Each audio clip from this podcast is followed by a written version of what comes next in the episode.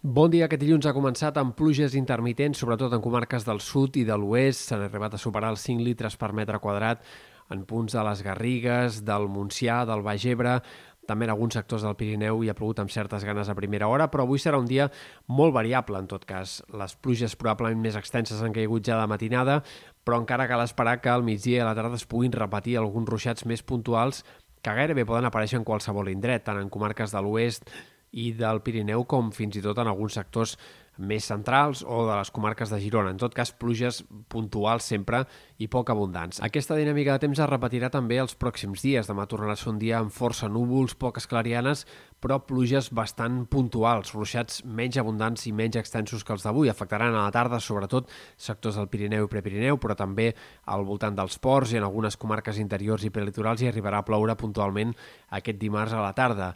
De cara a dimecres, dijous, més clarianes, però encara ruixats intermitents, sobretot en punts del Pirineu i Prepirineu, però de forma més puntual, apareixent també en sectors interiors i prelitorals. A prop de la costa, en tot cas, és on sembla que aquesta setmana hi haurà menys possibilitats de ruixats que hi vagin apareixent.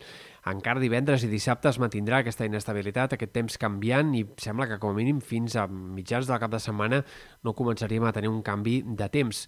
Pel que fa a les temperatures, el que esperem aquests pròxims dies és que demà sigui un dia una mica més fred que avui al migdia sobretot i que en general al centre de la setmana les temperatures no siguin tan agradables com ho han estat al cap de setmana, sobretot pel que fa als valors del migdia. No tornarà a fer fred, com ha fet en moments del mes d'abril, però tampoc esperem que ni a mitjà ni a llarg termini arribin dies calorosos per l'època. Els primers dies del maig probablement seguirem amb aquesta dinàmica de temps primaveral, però sense que els termòmetres es disparin.